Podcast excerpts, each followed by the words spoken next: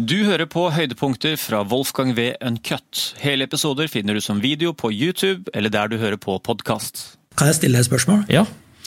Hvem var den første skihopperen i Norge som hoppet 200 meter på ski i Norge? Uh, ja, det leste jeg jo i går. Så husker jeg ikke navnet. Tom Åge Årnes. Ja. Han er ikke veldig kjent i Norge, men han var den første som han var prøvehopper i, i Vikersund og landet på over 200 meter. ja, For det var ikke sånn offisiell konkurransehopp? Nei, Nei, det var det ikke. Ja, nei, det stem- ja. Men det var det lengste i Norge. Han var første over 200 meter, så det er jo en, en milepæl. Han øh, var på øh, en øh, samling på Olympiatoppen, og det skulle være NM i Rælingen øh, påfølgende helg. Så de fikk fri på en ja, torsdag eller fredag til å slappe av, gå på byen og tenke på noe annet enn konkurranse, og så restituere seg litt. Og han, øh, han øh, dro sammen med en kamerat ned på en restaurant nede på Rådhusplassen, eller øh, inne i Borregaard, der ved Rådhuset her i Oslo. Og øh, var sammen med ei jente som visstnok skulle være ei veldig flott jente. Kjæresten hans.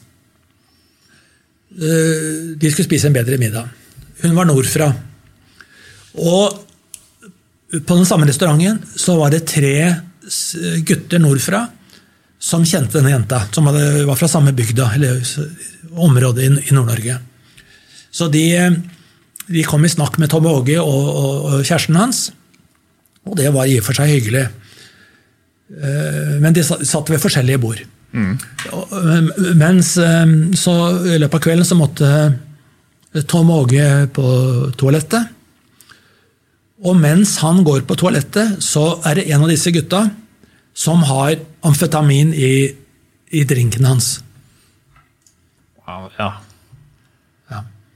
Og han hadde med sånn, noe, jeg husker ikke det var sånn battery, det var, sånn, det var en sånn uh, drink som det var mye smak i, så han merket ikke at det var noe, noe, noe annet da han kom tilbake. Så, men utover i kvelden så, så begynte han å svette og følte at han ble forkjøla eller syk. Så han sa til kjæresten at jeg må dra hjem, for at jeg føler meg ikke godt vel nå. Ja, det gjorde det. Og han eh, stilte i Marikollen, det bakken der i Rælingen, og deltok i NM ble, og ble avla positiv dopingprøve under NM. Eh, Dette var en sak som eh, kom opp for domsutvalget, og han ble dømt. Og, og dette var en sak som fikk ganske mye oppmerksomhet. Og da ringer det en, en fyr til meg, som da viste seg å være en av de tre gutta som var fra Nord-Norge, som, eh, som kjente kjæresten hans. Og sa som så at jeg er sjøl idrettsutøver.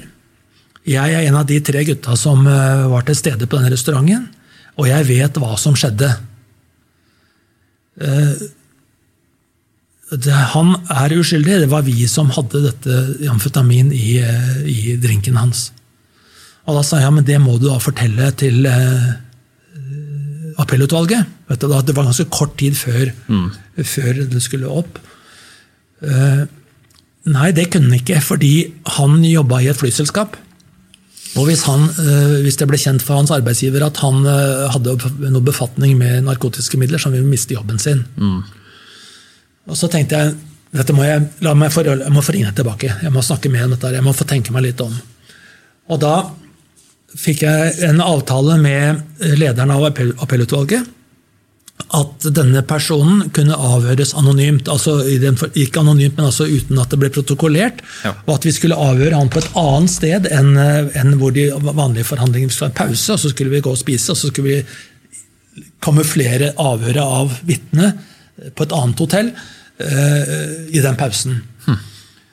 Og så eh, kom han fyren til kontoret mitt, da jobba jeg i Skjøtt, og da hadde jeg en fullmektig som heter, heter Henriette Hillestad Tune. Det er hun som er leder av juridisk avdeling på, i NIF i dag.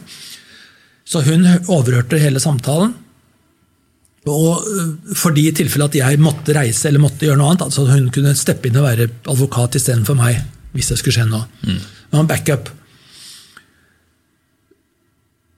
Så kommer dagen for forhandlinger. Og så ringer han gutten og så sier han, jeg tør ikke. Jeg tør ikke. Selv om det er, jeg skjønner at dere har lagt det til rette for meg, at det skal skje anonymt. Allikevel, jeg tør ikke jeg, jeg tør ikke pga. jobben min. Jeg, jeg, det betyr så mye for meg å beholde jobben. Jeg, kan ikke stille som vitne. Og da hadde vi ikke den. Og øh, Da førte jeg Henriette som vitne isteden. Som kunne fortelle om den samtalen vi hadde, men det nådde ikke fram. For det, det trodde de altså ikke tilstrekkelig på. Det var ikke nok, de måtte ha det fra, mm. gutten sjøl.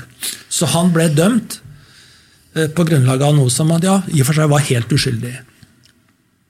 Sa noe Det høres ut som er det, ja, det er kanskje man skal At det er sånn kompis eller gutter gjør hverandre, og så putte amfetamin oppi glasset til en venn hvis de er på do. Det er jo det er ganske drøye saker, da. Det han sa til meg, det var at de opplevde årene som eh, så usympatisk, og at en sånn drittsekk skulle være sammen med den flotte jenta fra bygda deres, det, det var mer enn de kunne tåle.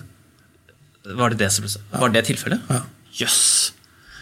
Så de, de skulle dope han ned ja. f Ikke for å få ha det gøy med han, men for å Nei, jeg- ødelegge for han. De visste ikke at det var skihopper engang. De visste ikke Nei, det? nei, nei. nei, nei. Så de skulle bare ja. Det var ja, en drittsekkopptreden. Wow. Ja, det der var uh, Det, det er historie som er kommet ut, eller? Nei. Ikke? nei. Men hva, hvordan, hva, sitter, hva tanker sitter han igjen med, med dette her? Det gikk ikke så bra med han eh, i livet, så det, det tror jeg ikke vi skal gå inn på. Han er visst godt på beina nå. Akkurat.